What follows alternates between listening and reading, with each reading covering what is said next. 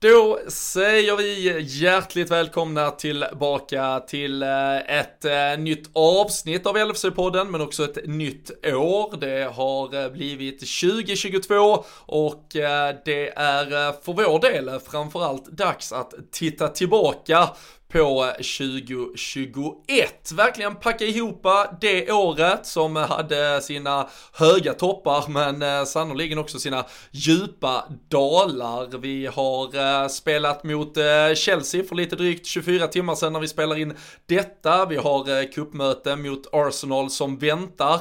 Men eftersom att vi har haft lite datorstrul och en och en halv timmes avsnitt har fått gå rakt ner i papperskorgen så finns tyvärr inte tiden och möjligheten att eh, klämma in alla de briljanta tankarna vi hade om just Chelsea-matchen, tankar inför Arsenal-matchen och allt däremellan en gång till.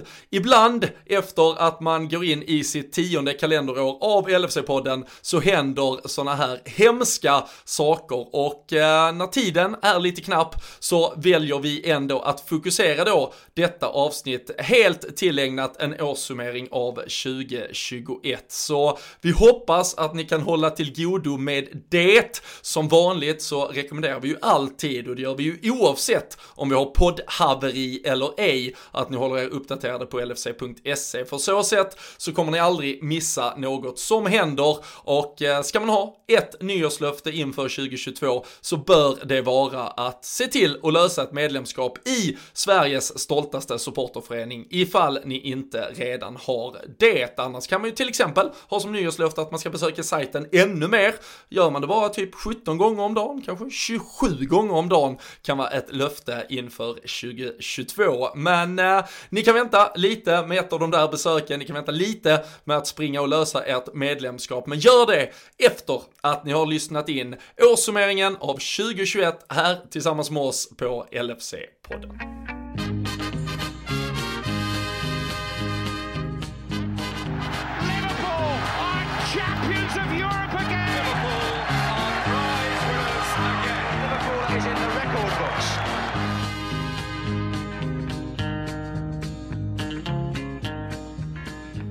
Ja du Fredrik Eidefors, eh, vi har en kategori längre fram som heter Årets besvikelse och just nu så eh, känner jag att eh, jag kanske är högt upp på listan för att bli din största besvikelse 2022 efter att min dator valde att krascha nästan en och en halv timme in i ett av de största och längsta och matigaste avsnitt vi någonsin producerat i våra, ja det som nu håller på att bli ett decennium tillsammans.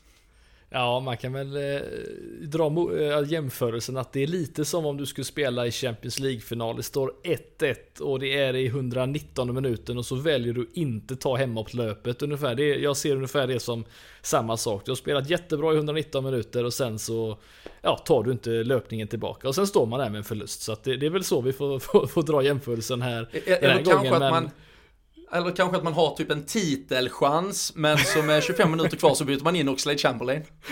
Typ. Ja, det är ju ungefär det är liksom samma att sak. Ja, det, ja. Nej, nej jag, jag, känner väl att eh, vi får... Eh, vi, vi, vi, vi hade bra tankar, men sen finns det ju vissa saker som eh, vissa kanske inte ens hade hållit med oss på. Så att vi får väl säga att nu har vi en andra chans att nöja alla istället då. Så, så är det sannoliken. Det är väl kanske ingen hemlighet och föga förvånande så diskuterades ju till exempel Liverpools mittfält mot Chelsea väldigt mycket. Jag skrev en text på lfc.se där, där får jag i alla fall möjligheten då att äh, läsa vissa av mina tankar. Men, men jag ser det bara som att du och jag fick ett jävligt skönt samtal i en, ja, ja, ja. en och en halv timme och liksom fick snacka av oss. Och, så nu har jag liksom en studs i dojan inför 2022 som jag inte har haft på länge efter den här jävla skitfotbollshelgen som har varit i alla fall. Så äh, ja, poddhistoria för, eh, för både dig och mig åtminstone. Men våra lyssnare gick bet just denna gången. ja, nej, vi, vi får göra det bästa av situationen helt enkelt och, och ta fram de eh, årskategorierna som, som du har tagit fram här och eh, beta av dem för det finns eh, sannerligen en hel del eh, saker att diskutera och eh, kanske hålla med om, kanske inte hålla med om. Men eh, det, det får vi låta avsnittet eh, bestämma här nu när vi, när vi har kört det. Så att vi får se. Jag, jag har goda för, förväntningar på detta, det ska jag säga. Ja, nej, men så är det absolut. Och eh, vi, vi kommer väl strukturera det lite som så att vi, vi har lite kategorier. Det ska väl i vissa fall kanske rent av delas ut ett litet osynligt pris. I, ibland kommer vi kanske bara snacka kring kategorier teorin eh, lite högt och lågt. Vad, vad har eh, dolt sig bakom både liksom stora stunder och eh, de lite mer tuffare svackorna vi har varit igenom. Spelare och ledare och kanske ägare till och med som har stuckit ut både positivt, negativt och på olika sätt under säsongen. Så jag har kategorierna, jag har lite kanske förslag, lite nominerade i vissa fall och så skjuter du väl in lite från höften med, med ytterligare tankar och så slår du ner vissa av eh, mina idéer och så kanske du till och med håller med om vissa tankar. Det känns väl som ett eh, ganska vettigt upplägg för att summera året. Ja, nej, men vi kan väl, eh, ja, för att ge våra lyssnare lite tillbaka snack från Chelsea-matchen kan vi säga att jag kan väl höfta till det som Kovacic gjorde igår ungefär, så får vi hoppas att slutresultatet för, för hans skull och våran skull blir lika, likadant. Och, då har vi ett jävla bra avsnitt framför oss kan vi väl säga. ja, så är det absolut. Och eh, jag eh, tänker att eh, den första kategorin eh, till ganska stora delar i alla fall eh, tar oss tillbaka ett eh, helt år faktiskt. för vi ska till trots för det väldigt skrala utbudet, det är liksom som att gå på någon mellandagsrea när alla har varit inne och länsat redan, så ska vi titulera någon i vår trupp eh, årets värvning och eh, det var två mittbackar som till slut kom med lite olika förutsättningar i januari. Det var eh, den eh, numera bortglömde och kanske alltid bortglömde Ben Davis. Det var eh, Ozan Kabak från Schalke och eh, sen har ju sommaren även förgyllt oss med Ibrahima Konate och Eh, till syvende och sist kanske det inte är svårt att ge någon av de tre när man väl måste priset som den bästa värvningen. Men eh, det är också väldigt summerande och talande, kanske snarare i denna kategorin, hur vår aktivitet på transfermarknaden har sett ut de senaste 365 dagarna.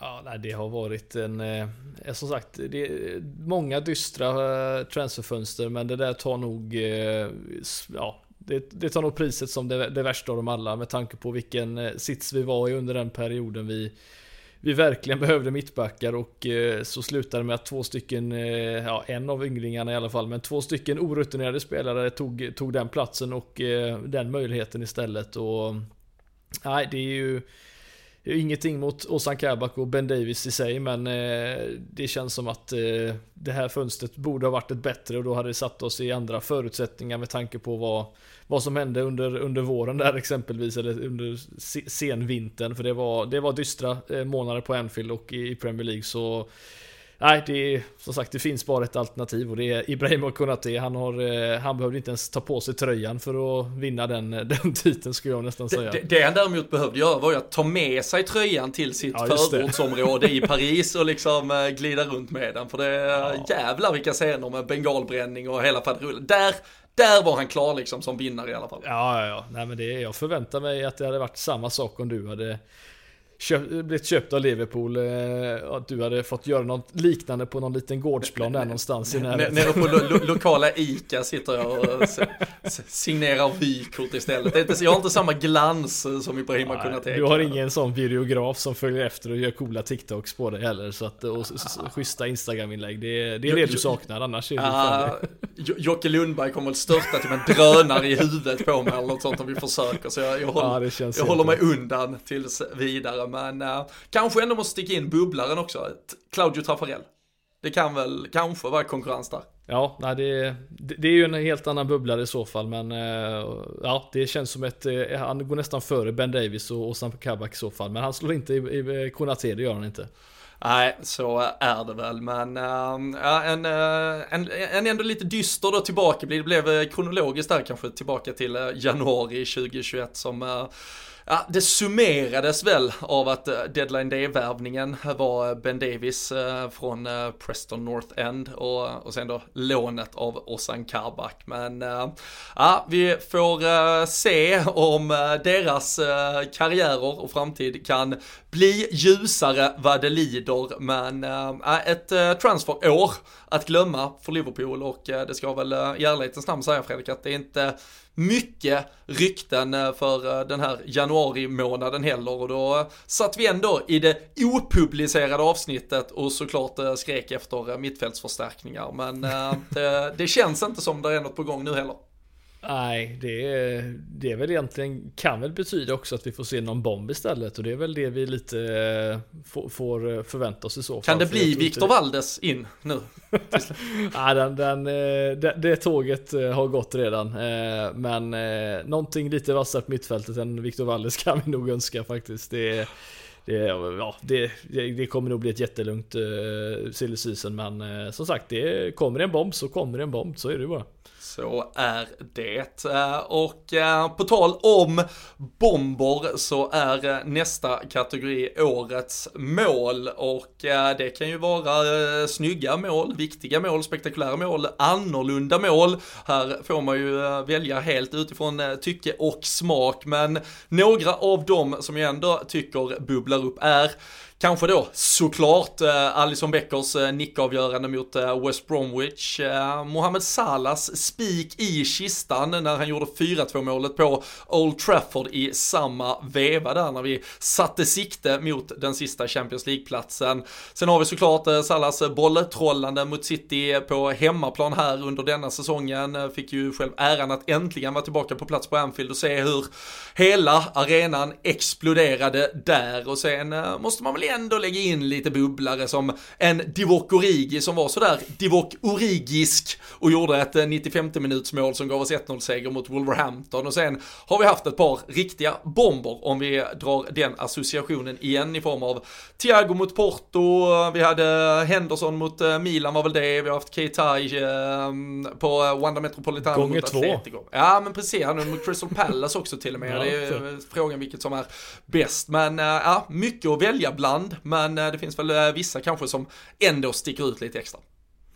Ja, nej men alltså Allisons eh, för mig är ju kategori, alltså den vinner ju den kategorin på, på, flera sätt egentligen. Inte bara att det är ett jävla bra nickmål i, i en svår situation. Du har ju en Nat Phillips som kommer springande i 110 km i timmen och missar den bollen till att börja med. Och där skarvar han in. Så det är ju inte bara ett, ett, ett mål från en målvakt utan det är ett bra nickmål ska vi tillägga. Som sagt, det är, det är ju en del av det. Men sen vad det betyder, alltså vi hade ju veckan innan som sagt eh, haft då det här spiken i kistan som du nämnde med Salah som, eh, som gör det här 4-2 målet och, och vad det betydde i hela den biten. Eh, både för självförtroende att slå United på Old Trafford och så men sen kommer man då med de förutsättningarna till, till West Bromwich borta. En riktigt tråkig match att spela eh, i ett viktigt läge och han nickar in den i 90 plus 6 eller vad det är. Det är ju Ja, alltså det, det kan inte skriva en bättre saga än så egentligen anser jag så att eh,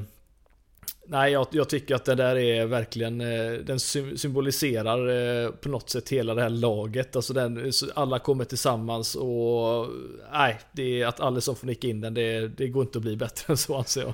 Nej, och det var, det var ju såklart så, så inramat av allt det som, som hade varit med, med liksom hans personliga tragedier under mm. Eh, våren och, och, såklart också en liksom ifrågasatt form och ett par riktiga blunders till, till insatser liksom och att han ändå till slut liksom eh, kontinuerligt fick förtroendet från både Klopp och ett eh, supporterkollektiv som liksom såg bortom de där insatserna och visste vilken eh, målvakt vi hade i honom, vilken, vilken människa framförallt det fanns också att den kombinationen då fick omsättas i det målet och, och som sagt eh, den, den, den vikt eh, det hade och, och också liksom det tek, tekniskt briljanta utförda i att komma rätt på den bollen och hitta rätt båge bakom Johnston och, och sätta dit den. Det, äh, det, det hade verkligen allt och är ju eh, liksom omslagsbilden för, för liksom den comeback vi gör under de sista veckorna av säsongen. Och Sen är jag ju svag för liksom den här typen av matchavgörande, alltså liksom verkligen matchdödande mål som det är Salah målet blir på, på Old Trafford. Det är ju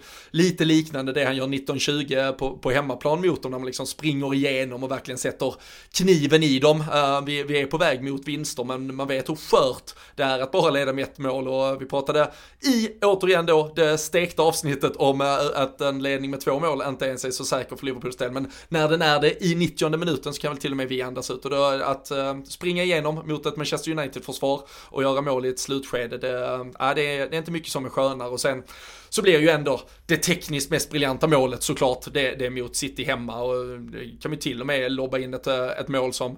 Det som då sker igår men det får ju bli för 2022 års årskrönika. Men eh, jag gillar ju även det liksom hur han vinklar upp kroppen för att lägga det i bortre och sen lägger in den eh, på första stolpen bakom Mendy. Och han har ju gjort så otroligt många sådana, det finns ju mot Watford och, och flera andra där till där han har varit helt magisk och, och visat hur flinka de där fötterna har blivit i straffområdet. Och det, det är svårt svårt att klaga på avsluten och eh, det är väldigt svårt att klaga på egentligen någonting som Mohamed Salah gör på en fotbollsplan nu för tiden.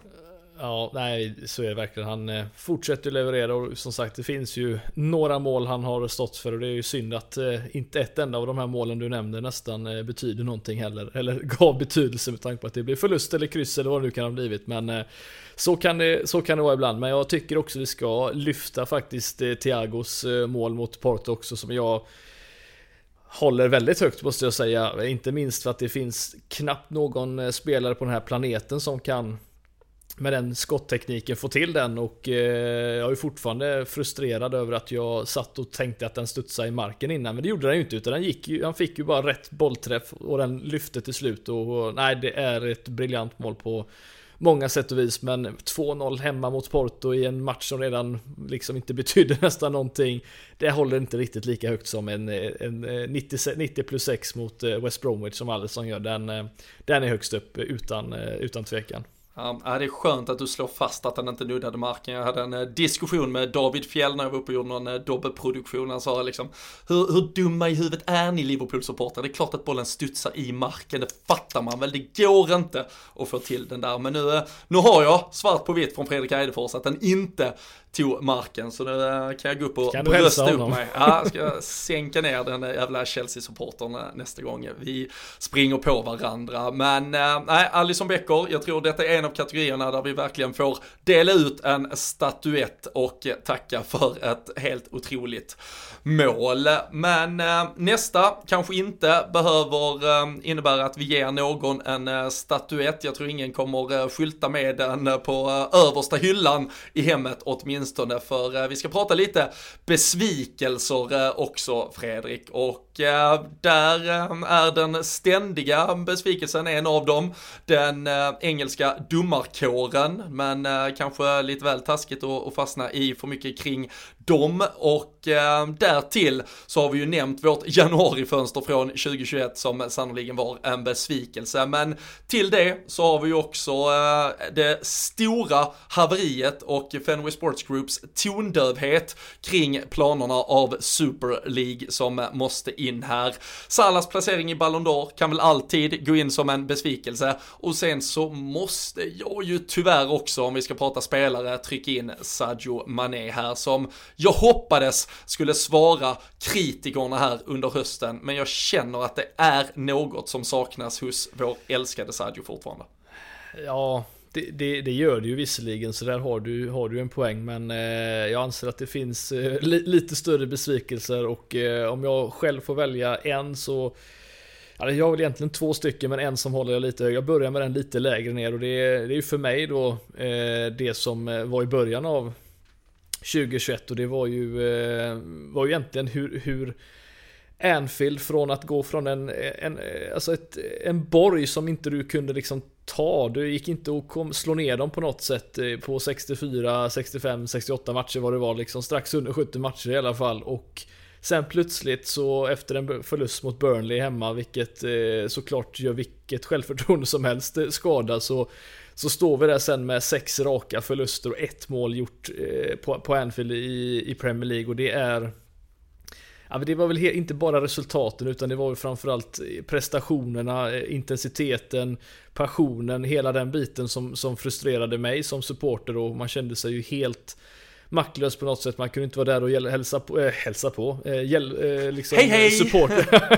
ja det hade säkert hjälpt på något sätt. Men supporta på, man kunde liksom inte Nej. göra det en supporter ska göra och det är en av de dystrare liksom, eh, perioderna som jag upplevt som Liverpool-supporter. Där det alltså med tanke på att visst det var skador, men det var ju fortfarande ett riktigt bra lag som helt enkelt bara såg helt eh, hjälplöst ut. Eh, oavsett vilka som stod där på andra sidan. Och när till och med lilla Everton kunde åka dit och, och nolla oss på bortaplan, det är ju eller på hemmaplan, det är ju fruktansvärt bara det. Men så den håller jag ju helt klart som en stor besvikelse under hela 2021. Men jag tycker ja. nog också att eh, det som är det största och det tror jag att vi kommer nog vara ganska överens om eh, och det är ju FSGs eh, järnsläpp om man får kalla det det med Super League som jag vet att du har starka åsikter kring också men det var Nej, det, det, är något av det värsta som sagt som supporter när man verkligen fick en ordentlig käftsmäll som man inte riktigt, ja, man kunde nästan inte återhämta sig förrän eh, alla slöt samman såklart då men eh, det var en riktigt mörk dag får man ändå säga för, för FSG som, som ägare för Liverpool. Mm. Jag, jag, kan ju bara, jag kan bara instämma såklart. Jag, jag hade väl eh, no, någon form av kategorisering som kanske handlar om liksom årets tråkigaste, vad det nu är och hur man ska lägga uh, vikt vid eh, ordet, om det är en besvikelse eller bara det tråkigaste. Men där hade jag också med det, det första kvartalet 2021, eller de första kanske drygt fyra månaderna blev det väl nästan, där, där det verkligen bara kändes som, och framförallt så kändes det som att det var repris på repris på, på, på repris. Mm. Det var inte så liksom att ena dagen så, så förlorade vi precis och sen var vi nära nära på att vinna och sen plötsligt fick vi däng med 5-0 utan det var liksom vad som än hände, vem som än ställdes framför oss så kommer det antagligen bli förlust med 1-0. Alltså för det är liksom, det, vi, vi kommer släppa in, vi kommer inte göra mål, vi kommer inte ha någonting att säga till om och det här kommer vara så jävla tråkigt att se på. Och eh, som du sa, vi, vi nämnde innan med allt eh, liksom vid sidan av för Allisons del. Vi gick in i den perioden med, med nyheterna om eh, att Jürgen Klopps eh, mor hade gått bort. Vi hade sen då som, så, liksom, som lök på laxen de här tomma läktarna, det gick inte. Vi hade ju fått faktiskt tillbaka publiken till och med några veckor innan eh, liksom allt det här började gå riktigt jävla åt helvete igen. Både, både för vår del och det gick liksom plötsligt gick det åt fel håll i världen igen kände man. Och så då liksom att vi inte, vi kunde inte gå dit, vi kunde liksom inte kraftsamla, vi kunde aldrig liksom få ett stopp på det, vi kunde aldrig riktigt sätta ner foten. Och eh, det, det blev bara sån lång utdragen lidelse där alla underpresterade, ingen verkar ha energi till något. Det kändes ju som att Klopp tyckte det var tråkigt. Var det efter Brighton-matchen, liksom, när det kom, till och med kom de liksom mest sinnessjuka uppgifterna om att han eventuellt liksom funderade på att bara lägga ner skiten, liksom bara, bara mm. kliva av. Alltså det, det är inte kul. Alltså sen, det låg förhoppningsvis inte ens 0,0 promilles sannolikhet i det, men Alltså, där och då så kändes, alltså man kunde, det var så jävla illa som man kunde. Och inte spel eller så här, liksom, inte resultatmässigt, liksom, det är klart att vi skulle komma tillbaka och allting. Men jag kunde ändå till och med känna in i Klopp att, för, ja, jag förstår fan om han bara skiter där, för, för fan vad det är tråkigt. Alltså, fotboll är mm. skittråkigt, jag tror inte, det är inte kul att titta på.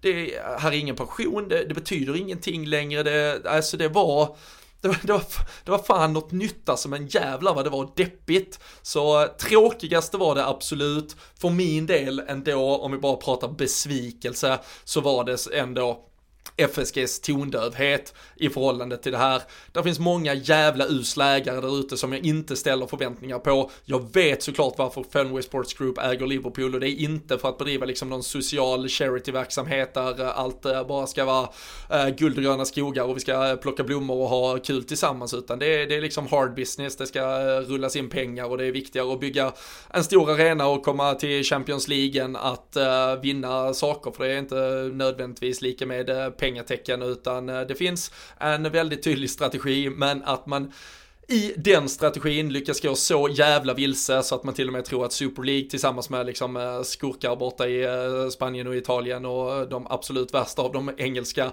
ditorna skulle vara liksom något vi ville ha samröre med och stänga fotbollen och förstöra allt den har varit. Och nej det var som lök på laxen sen då se uh, den uh, trötta jävla John Henry. Uh, jag, ska inte, nej, jag ska inte vara så taskig mot honom för fan. Men uh, det kändes ju som en sån här jävla hostage-film där man liksom sitter inlåst i något källarrum och ska be omvärlden om hjälp att rädda honom typ. Nu, nu var det väl visserligen att be om förlåtelse men det, han kändes så, så, så, svag och fel och nej, jag skrev ju till och med en krönika någon, någon dag efter det att det kanske var droppen som fick bägaren att rinna över. Absolut inte att Liverpool med, liksom, eh, skulle gå ut och aktivt byta ägare pang bom eh, i somras eller direkt det hade hänt. Men eh, kanske att det bör finnas en exit-strategi för dem om Liverpool vill växla upp och om de kanske har satt en fot fel för många gånger nu. Men eh, vad vet jag? Och eh, en titel helt plötsligt så har man väl glömt alla snedsteg. Det är lite så det fungerar i fotbollen. Ja, och, och, och, med alla dessa snedsteg eh, och, och tråkigheter på Anfield och liknande så så kan jag väl eh, kanske tycka synd om Sadio Mané som hamnar på din lista tillsammans med detta men eh, Ja ja, nej han, han, har väl inte direkt imponerat och slått tillbaka riktigt på det sättet så att eh, han, kan väl, han kan väl få med på din lista men eh, jag På min lista har vi bara två grejer och det är just FSG och eh, den bistra, dystra starten på 2021 eh, på Anfield, men eh, det, det räcker för, väl tillräckligt. Ja, det, det ska ju sägas, fördelen för Sadio Mané är ju att jag numera inte har några som helst förväntningar på honom, så han kan Nej, ju inte underprestera så pass grovt att han kan komma ner på en besvikelselista nästa år också.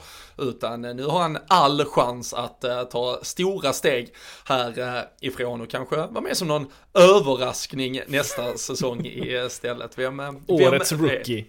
Årets rookie, årets nytändning i alla fall. uh, för fan. Hoppas han uh, slaktar Afrikanska mästerskapen och kommer tillbaka med en pokal från Kamerun och så uh, tar han ny fart in i den här uh, slutdelen av säsongen. Uh, det är mycket kvar att spela för Fredrik, eller hur? Så vi kan så hoppas att han kommer tillbaka i full blom. Men annars, en Kanske två meningar på Salas eh, sjunde plats i Ballon d'Or. Eller det, ah, vi, vi, bara glömmer, ah, går vidare. Ah, den, är, den är så tröttsam på många sätt och vis. De, eh, ja, vi, vi, vet att det, det finns så mycket bakomliggande skit i de här rustningarna. Så att jag tycker vi stänger den boken och säger att eh, för oss är Salah alltid nummer ett. Det, det räcker så. Vi glömmer och går vidare. Det låter uh, som, uh, som något som uh, stora delar av första halvan av förra året hade, att, uh, det, kan liksom, det, det omsluter väldigt mycket av åtminstone de första månaderna. Så låt oss göra det och istället blicka mot årets insats under 2021. Det kan ju såklart kanske vara liksom en lagmässig insats, någon specifik match eller någon specifik formperiod eller något annat, kanske något som någon har gjort vid sidan av planen. Men eh, jag eh, i min lilla vrå lyfter ändå fram eh, Nat Phillips och Rhys Williams avslutning på eh, säsongen där de eh, går in och Klopp till slut hittar det mittbacksparet han eh, letade efter i den riktigt deppiga transfermarknaden i januarifönstret. Och eh, de får bli, eh, och pratar vi symbolbild i form av Alison Becker så är väl såklart deras blodiga huvuden efter sista hemmamatchen mot Crystal Palace, en bild som också väldigt vackert ramar in 2021 och annars, Mohamed Salah återigen, går aldrig att komma från honom, hans otroliga form, man kan ju såklart prata om ett hattrick på Old Trafford som är historiskt i all sin kontext kontext. Och sen också tycker jag att man måste ta in här eh, Trent Alexander-Arnold och hur han svarade på den petning som eh, ja men kanske hade någon fog, om man säger på bara liksom just då sportsliga grunder under en par månader när han var svag, men där Garrett Southgate eh, kände som att han höll på att dribbla bort och tappa kanske hela världens bästa högerback på jävligt konstiga grunder, men eh, han har ju verkligen efter det visat att han är bäst av alla och eh, det är egentligen bara en dålig tränare som inte kan hitta ett sätt att bygga ett lag kring honom. Ja, det är verkligen så. Jag tycker det är ett mysterium på många sätt och vis och jag tror vi båda säger detta eh, utan att vara eh, alltför Liverpooliga i det vi säger och bara prata från hjärtat utan det här är ju liksom bara som ren, fotbolls, ren fotbollskunskap så är det ju en spelare som från sin högerbacksposition skapat eh, bland de flesta lägena i, Europa liksom. Han har varit högt upp på assistligan. Han har gjort så extremt mycket, även om du, som du säger, kanske inte var hans säsong till 100% men jag kan nog lova dig att eh, kollar man statistik på de andra ytterbackarna i England så var de nog inte mycket bättre de heller och eh, Ja, någonting hade han ju emot honom för att eh, det är ett rån och inte eh, ta med honom från första början. Men sättet han som sagt eh, studsar tillbaka under den, eh, under den våren som han Ja men man får nästan säga tillsammans med Salah och eh, till viss mån eh, den gode Thiago var ju liksom tre spelare som verkligen steppade upp och, och stod för viktiga Ja, både mål och, och, och prestationer i slutändan och Trento med sitt livsviktiga 2-1 mål på, mot Aston Villa där eh, på i 90 plus 4 eller vad det var, eh, var ju en, en, symbol för lite vad det är han studsade tillbaka mot och tyckte att det är, eh, ja det är ju bara sjukt när man sitter och tänker tillbaka på det, att han inte skulle vara en plan av det hela för uh, han, är, han är unik fotbollsspelare, det är verkligen och, och det så, känns som att de hade behövt hans fot i straffläggningen till att börja med. Ja, herregud ja. Och uh, det, det, är egentligen ännu sjukare, för som sagt som jag, som jag inledde lite med, liksom, alltså, jag, jag hade kunnat köpa att man liksom, ja men jag liksom Liverpool som lag och liksom som situationen var liksom, så, men han kan nog behöva ett break kanske, alltså, men då hade man ju fått sälja in det som förbundskapten lite bättre och det kändes inte som att det var det så Trent liksom tolkade utan han såg det nog som en petning och där blev jag lite osäker på hur han skulle svara på det. Jag liksom visste inte, jag tyckte inte man hade sett kanske bevis på, kanske jag som liksom är liksom inte tillräckligt tydligt har sett vad han har för kaliber, men att om han verkligen skulle svara på rätt sätt till det så, så bara att få det kvittot att det, det gjorde han uppenbarligen, han har bara blivit bättre och bättre från det. Men sen det, det, det roliga, eller roliga för det, det är det ju egentligen inte, det är ju ganska dystert det är att än idag så känns det ju inte som att Garrett Southgate riktigt har en plan för Trent och eh, det kommer vara ett av de största mysterierna där ute i fotbollsvärlden ifall ett lag som England inte gör plats till Trent Alexander-Arnold i varenda match som sin startande högerback eller hur man nu vill formera det där laget för eh, att han inte skulle vara på planen i varenda VM-match om ett år. Det känns ju jättemärkligt och eh, mm. borde ju vara ett sånt jävla underbetyg till en förbundskapten om man inte lyckats lösa de knutarna som han kanske kan kräva då i övrigt från andra spelare eller liksom med taktisk disposition för att få plats med en sån spelare i laget. Ja, nej det är som sagt, det, det är jättekonstigt för att det är eh... Han är ju som, för mig då, klippt och skuren som en wingback egentligen i ett engelskt, eh, ett engelskt landslag på sättet de spelar. Eh, han har ju haft otroligt mycket boll högt upp i banan och har varit eh, mycket friare där och vi ser ju bara den här säsongen vad han har gjort med en lite nyare roll, lite mer frihet från högerbacken och han hade gjort, eh, som de säger, han hade gjort kaos där ute. Det hade han eh, definitivt gjort så att Oh, nej, det, ja, den insatsen han står för i form av att han studsar tillbaka, den, den förtjänar ju och helt klart att, att vara med på den här listan. Men jag tycker nog ändå inte att den slår det som du eh, fint målar upp den bilden där med Nat Phillips och eh, Rhys Williams. För det är ju faktiskt två stycken eh, ja, ungdomar, en av dem i alla fall, men två stycken eh, orutinerade spelare som, som helt enkelt slåss mot fel viktklass. Om man pratar liksom, det, det är inte alls den nivån de ska spela på här och nu, utan eh, de fick ju slängas in mot tufft motstånd direkt och eh,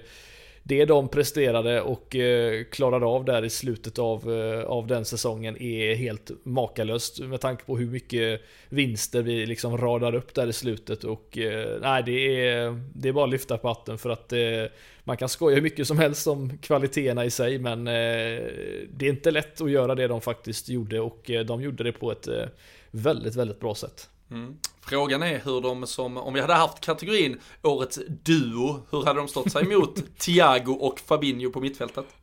Ja, det vete tusan alltså. Ja, eh, de har nog varit högre upp. Ja, det är ba bara för att det är så unikt det de ändå gör och så oväntat så. Och för ja. att Nat Phillips är så ung framförallt. Young Nat Phillips. ja, nej, nej, absolut. Håller All... du med om att den är högst upp eller? Ja men det gör, alltså det är ju liksom, du får ju, vi, som sagt vi får ju bedöma det utifrån eh, ingångsvärden och eh, utgångslägen så att säga och eh, då är det ju, då är det ju helt otroligt. Det, det var ju också en sån sak, alltså där jag tyckte faktiskt att egentligen fans kanske lite före Klopp var beredda att ändå ta steget mot att, vad fan, ja men då får vi spela, spela bara mittbackar i alla fall som mittbackar så vi får tillbaka vårt mittfält. För det var ju liksom, det blev ju hela tiden den här dominoeffekten där under våren där ja, vi saknar en där, då flyttar vi ner en där, ja men då saknar vi en där och så saknar vi en där istället liksom så att, ja men nu, nu har vi Fabinho och Henderson tillbaka, vi kan inte hålla på och laborera dem som mittbackar för att då plötsligt ha någon annan på mittfältet som gör att vi ändå, som vi nu har sett de senaste veckorna, liksom, när vi, varje gång vi tappar mittfältet så spelar det inte så stor roll vilka som är med våra mittbackar. Vi släppte ju faktiskt under förra säsongen, vi taktar mot att släppa in lika många eh, denna säsongen som vi gjorde förra. Om vi borträknar eh, 7-2-kollapsen på Villa Park, där egentligen varenda mål hade väl ett så här eh, expected goal på 0,03. Det var ju skott som bara kastades iväg mot mål och sen plötsligt gick in på något sätt. Men liksom, så det var ju aldrig att vi liksom var helt horribla på att försvara oss. Det var ju bara att vi tappade med matcher på mittfältet konstant, konstant, konstant. Så eh, äh, det var så jävla rätt att de till slut fick chansen tillsammans och de tog den och de eh, sköt oss in, inte eh, liksom eh, med kanske just fot och boll, men de tog oss in i det Champions League-gruppspel som vi sen excellerade oss ur och som nu kan kanske vara det som ger den här säsongen guldsmak. Så nej, de ska fan ha sin beskärda del av berömmet från fjolåret. Så hatten av till Nat Phillips och Rhys Williams, verkligen.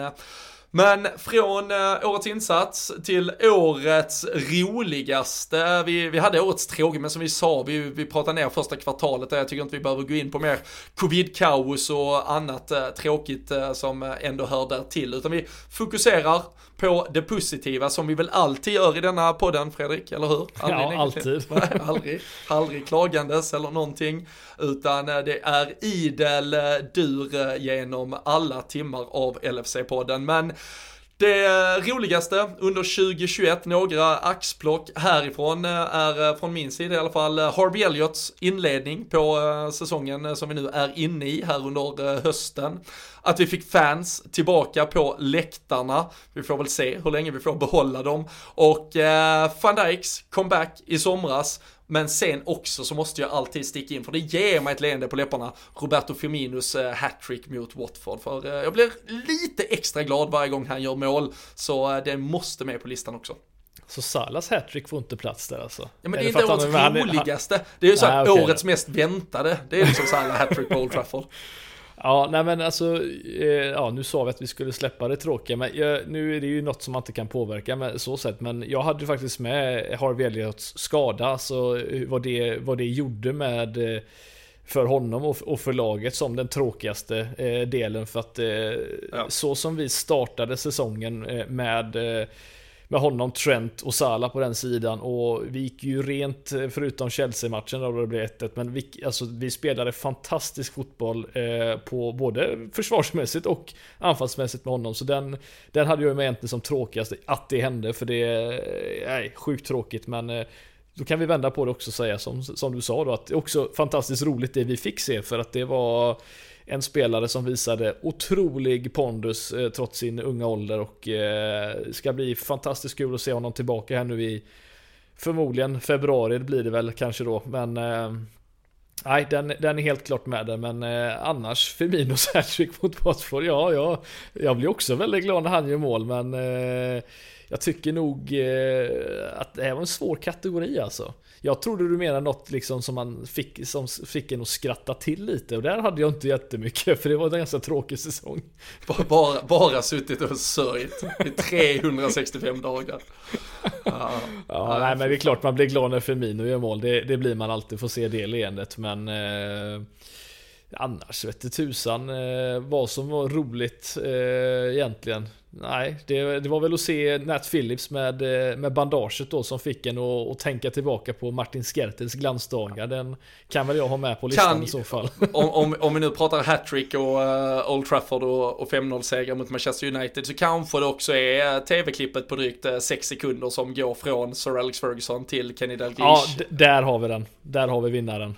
Det Den är, är nog det roligaste man har sett på länge.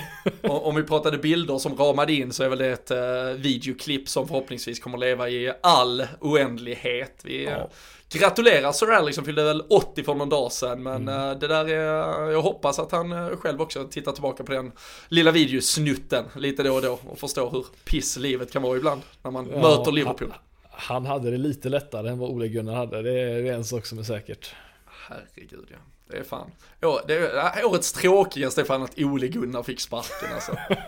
fan. Fan vad kul vi hade. Nej, men alltså, jag måste säga att jag tycker det ändå, eh, alltså den, den matchen var ju så fruktansvärt speciell också mot United med tanke på att vi satt ju liksom Ja, vi sa ju att den 4-2 segern var en, en udda grej med tanke på vilken situation. Det var inga fans och hela den biten som var året innan. Men att åka till Old Trafford, visst de var inte i, sina bästa dagar, men att åka dit ändå är tufft och, och, och leda med 4-0 i halvtid. Alltså, Ja, det är så ja, ja, det är så bisarrt. Och vi, och då gjorde vi ändå ingen, som sagt, en supermatch liksom. Vi hade haft andra prestationer som varit bättre, men vi var effektiva och de var jävligt dåliga och det var Nej, som sagt, den kan man minnas tillbaka till och, och tänka hur, hur kul det var att vara Liverpool-supporter under en kväll där, för det var, det var roligt också, ska vi tillägga. Ja. Nej, för fan. Eh, absolut. Och eh, bara för att knyta Harvey Elliot-säcken så eh, vi, vi får ju ge en liten ändå liksom släng med den negativa sleven till Hasse Backe som inte såg till så att han var tillbaka redan framåt julskinkan skulle skäras upp. Men kan vi ha han tillbaka i, i februari så att, att få se ett mittfält med Fabinho, Harvey Elliot och Thiago, det, det hade jag ju så jävla gärna velat se. Ett par ja, matcher på rad och eh, tyckte just att de där berömda trianglarna som skapades ute på högerkanten med Harvey Elliott, Mohamed Salah och eh, Trent var, eh, var så jävla briljant och, och, fantastiskt att se och han var, han var, han var så naturlig del i det. Det var liksom inte så här en 17-årig valp som, eh, som mm. hyssades runt lite av Mohamed Salah där han bara stod och pekade var han skulle.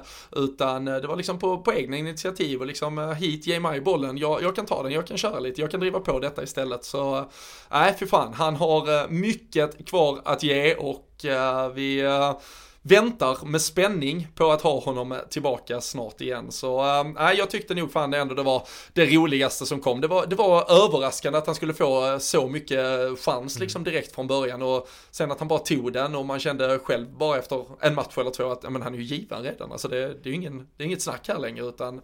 han, äh, nej fy fan, imponerande, verkligen. Man ska väl eh, tillägga faktiskt också när vi pratar om mål att eh, han var ju inblandad i, om man har en kategori som heter ett av de bästa lagmålen, så det, det målet Sadio Mané gör mot, jag tror det är Burnley, det är väl i början av säsongen när ja, van Dijks eh, underbara diagonalboll, bröstet ner på Harvey Elliott, lägger fram det till Trent som på ett bara skruvar den runt backen och där kommer Mané och, och dundrar in ett 1 eh, eller 2-0 mål. Det var, där var han ju inblandad som sagt i och det var lite det man fick ett eh, litet smakprov på vad han kan, eh, kan erbjuda som, som kreatör med. Så att, eh, mer av det får vi hoppas.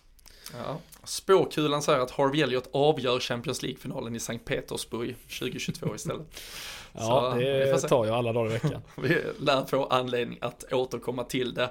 Um, nu har vi uh, redan uh, passerat några av de kanske uh, största matcherna vi spelade och framför, framförallt då en som jag tror vi får anledning att återkomma till om vi ska välja ut årets match. Där det är såklart, vi hade en pulverisering bara för några veckor sedan av Everton på Goodison Park. Vi gjorde slarvsylta med ett Arsenal här ganska nyligen också.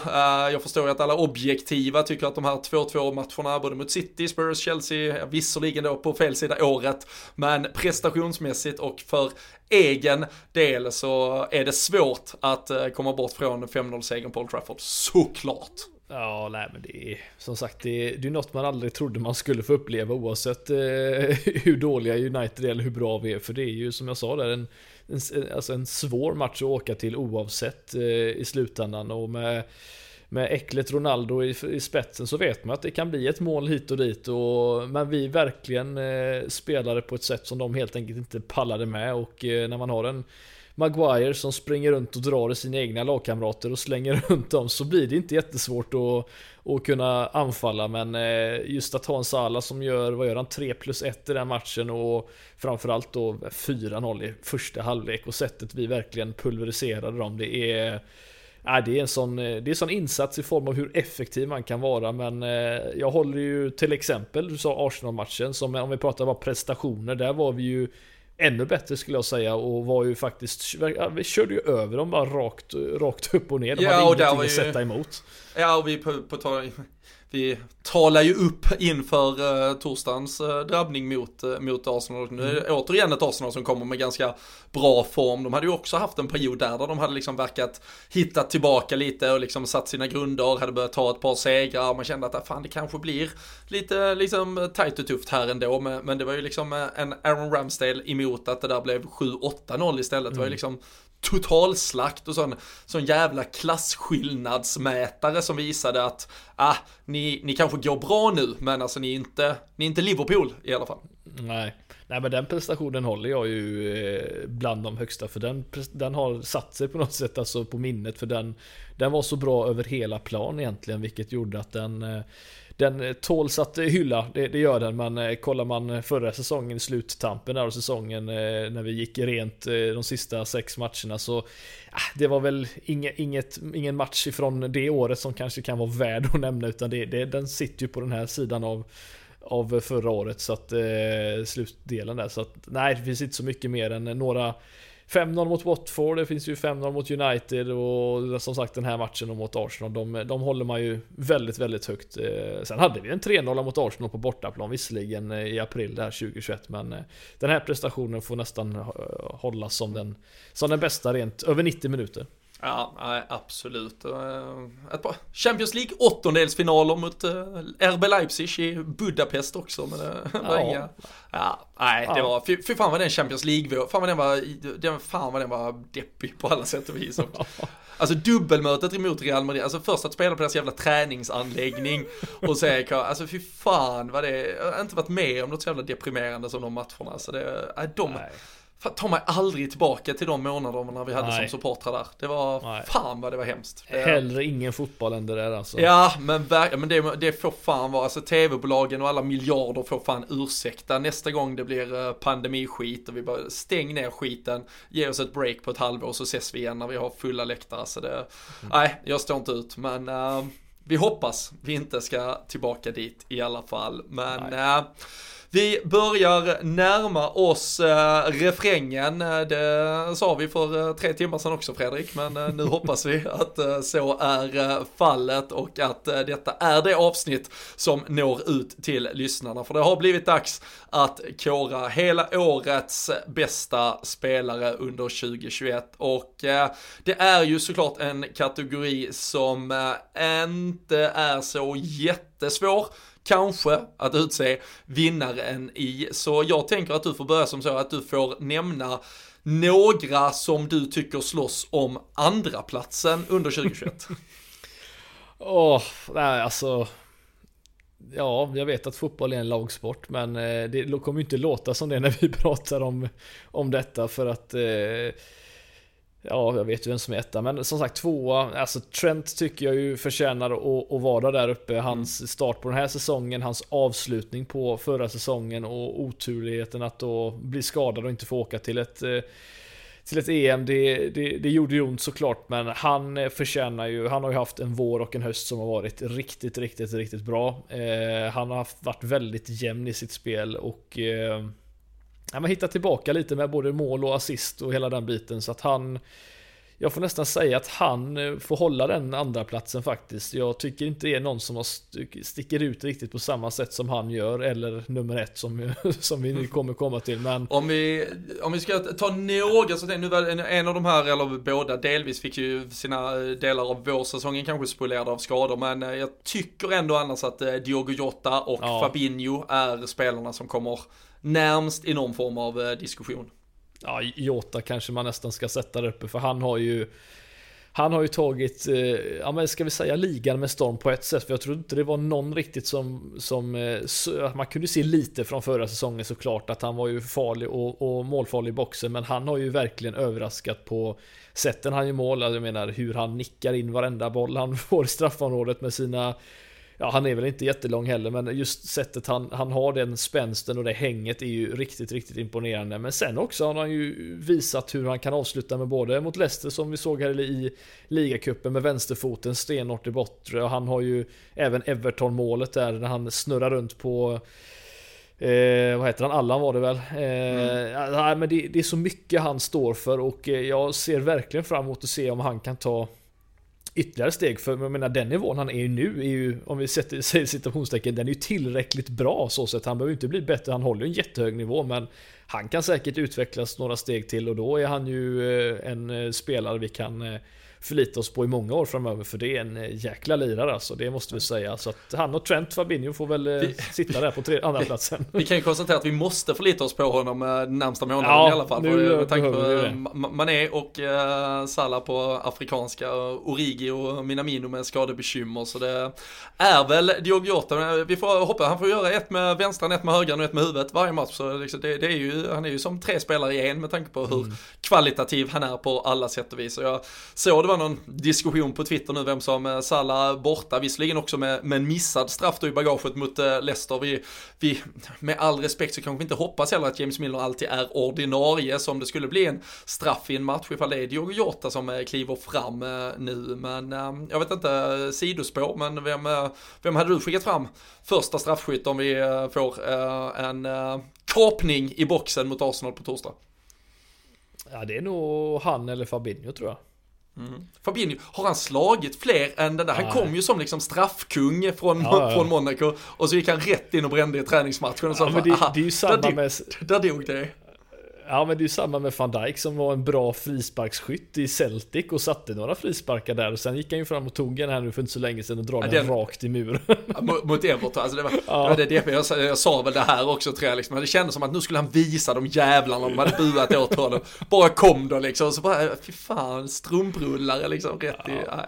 Nej men ja. ge Diogo den, låt honom växa i, eller gå upp i skytteliga ledning när Salah är borta så kan Salah komma tillbaka lite hungrig och, och ta tillbaka tillbaka den om han vill i så fall. Men eh, Nej, så jag, jag sätter nog någon av de två i så fall. Så, eh, ja. Jota eller Nej. Fabinho. Ja, jag skickar fram eh, Jota absolut och tycker att vi kan landa mycket väl i att han är trea bland eh, årets bästa spelare 2021. Eh, Trent Alexander-Arnold tvåa och den givne ettan såklart Oxlade Chamberlain. ja, han... Eh, Ja, han har fått myck kärlek i den här podden, ja. det kan man säga. Ja, jag, men... Nyårslöfte, nyårslöfte, lyssnare, stäng inte av, äh, lägg inte på, svik oss inte redan. Jag ska inte prata mer om Oxlade 2022. Det är, jag lovar att jag inte nämner hans namn. Du, jag men... kan lova dig också att du kommer hamna i en situation där du kommer behöva göra det och jag tror att det kommer vara i, det, mot din det, eh, vilja i slutändan. Nej men det, han, det kommer inte gå, för han kan inte längre göra mig besviken. Alltså jag, jag har fullständigt i mig att han kommer att tappa markering två, tre gånger varje match, han kommer kommer ligga bakom två, tre eh, äh, baklängesmål. Och han kommer inte göra mål. Det är helt hundra procent säkert att han inte kommer göra ett avtryck som kräver att vi diskuterar honom i den här podden. Jag kan ta gift på det och därmed så kan jag lova att jag inte kommer prata om honom under 2022. Men vi kommer prata om årets spelare för han har all äh, möjlighet att bli det detta året också Fredrik. Det är såklart Mohamed Salah. Ja, som sagt, spelaren som man inte trodde kunde bli bättre har blivit bättre. Eh, och som sagt, siffrorna talar väl för sig själv egentligen. Han är uppe på en, en, en helt annan nivå som får eh, Ja men man, man pratar om en, en Thierry Henry-siffror liksom som var lika bra på att assistera som i mål mer eller mindre. Och det är eh, sjukt imponerande för honom och eh, nej som sagt vet inte vad han ska stoppa. Och det är ju bara så jäkla synd att eh, afrikanska mästerskapen händer, eh, sker här nu för att eh, han hade vi behövt och eh, det är ju visserligen chansen för alla andra att komma ikapp men eh, det är ju det är en spelare som som sagt man inte trodde kunde bli bättre men han har han har blivit bättre och eh, nu måste han skriva det här jävla kontraktet för att nu börjar jag bli, lite, nu börjar bli lite orolig här faktiskt. Skulle precis eh, följa upp med det såklart. Vad, vad tror vi händer? Kan det bli som, eh, var det på eh, januari eller på sommarfönstrets sista dag som vi fick Jordan Henderson-kontraktet i någon form av kompensation för att vi inte hade fått några värvningar och nu skulle väl eventuellt då januarifönstret kunna kryddas upp lite med och det hade jag fan, jag hade gärna sett förstärkningar men kan jag liksom stå vågskålen mot värva spelare eller få fyra år med Mohamed Salah så, så vet ju jag vart jag eh, ber pennan att liksom tryckas åt hållet. Ja, ja absolut, nej men det är, det är, det är verkligen prio och får man eh, lyssna på Klopp och vad de säger. Kanske de måste säga det också, men eh, så hoppas jag att de har, har allt under kontroll. Men eh, det känns som att det borde inte vara så jäkla svårt att få detta och, och bli färdigt för att eh, det här är, det här är prio ett och det, det finns inget viktigare just nu än att få honom eh, signad för att eh, vi måste ha honom och Gör vi inte det då är det lite, lite som eh, ja, Edmonton Oilers som blev av med Wayne Gretzky på 80-talet. Det är liksom det största fiaskot man kan. Alltså det finns ingen, inget kan, inget kan försvara det där. Alltså du, om vi inte har Salla kvar för det är totalt eh, Ja det är FSG-nivå på det om det skulle, som vi pratade om med besvikelser. Det är, det, det är en, den skulle vinna alla kategorier, eh, tråkiga kategorier 2022 som vi gör detta i så fall. Sen, sen, sen, förstår man ju ändå att eh, Edmonton inte hade något att sätta emot när Wayne Gretzky såg chansen att få spela med finska legenden Jari Kurri i uh, Los Angeles. Ja, så ja. kan det vara. Nej. Kommer mina hockeybildskunskaper till pass här? Ja, Nej, men uh, som sagt, the great one Salah alltså vi pratar om. ingen annan. Nej. Ah, nej, Mohamed Salah är såklart eh, 2021s absolut bästa spelare. Det är en eh, uh, statyett vi gärna ger honom. Uh, vi har väl alla anledning att kanske återkomma om ett år och uh, dela ut samma pris till samma spelare. Det, det, är väl kanske just Trent emot som verkar också uppfinna sig själv och uh, nya fotbolls, uh, sätt att spela fotboll uh, kontinuerligt så han lär också ha ett fantastiskt år framåt. Men eh, nu ska vi eh, innan eh, saker och ting går åt skogen igen Fredrik, spara ner detta avsnitt och se till att det nu har nått våra lyssnare för som sagt det har varit en långsittning även om ni där hemma då tyvärr bara har fått ta del av dryga timmen där vi har summerat år 2021 ur ett ehm, Liverpools perspektiv framförallt, delvis ett fotbollsperspektiv i det stora. Men från nu så blickar vi framåt och eh, då är det Arsenal som väntar i ligacupens första av två semifinaler på torsdag, sen är det Shrewsbury i FA-cupen till helgen. Så vi kan väl förvänta att Liverpool går ut med, visserligen med väldigt många manfall, men med så starkt lag som möjligt på torsdag. På patreon.com slash LFC-podden kommer det vara tipstävling precis som det alltid är inför våra matcher. Så in där, eh, man kan ju bli då supporter till podden för bara 20 spänn. Då får man just chansen att tävla om alla dessa eh, tröjor och andra schyssta priser från Sam Dodds. Man får lite extra avsnitt, vi kör lite fantasy-tävlingar. Och man får ju också alla våra vanliga avsnitt samlade på en annan plattform om man vill separera det från allt annat till exempel. Så eh, patreon.com slash LFC-podden. Det tillsammans med att lösa supporterskapet på LFC.se kanske ska vara nyårslöftena tillsammans med att inte prata om spelare X som jag numera aldrig tar i min mun. Så eh, med de orden Fredrik,